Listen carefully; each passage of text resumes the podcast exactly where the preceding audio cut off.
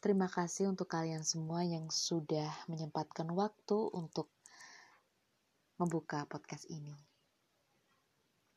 Di antara celah-celah kehidupan yang penuh dengan gegap gempita, kesedihan, kesenangan, kebahagiaan, ataupun bahkan ketenangan, sejenak dengarkan podcast Piring Kata.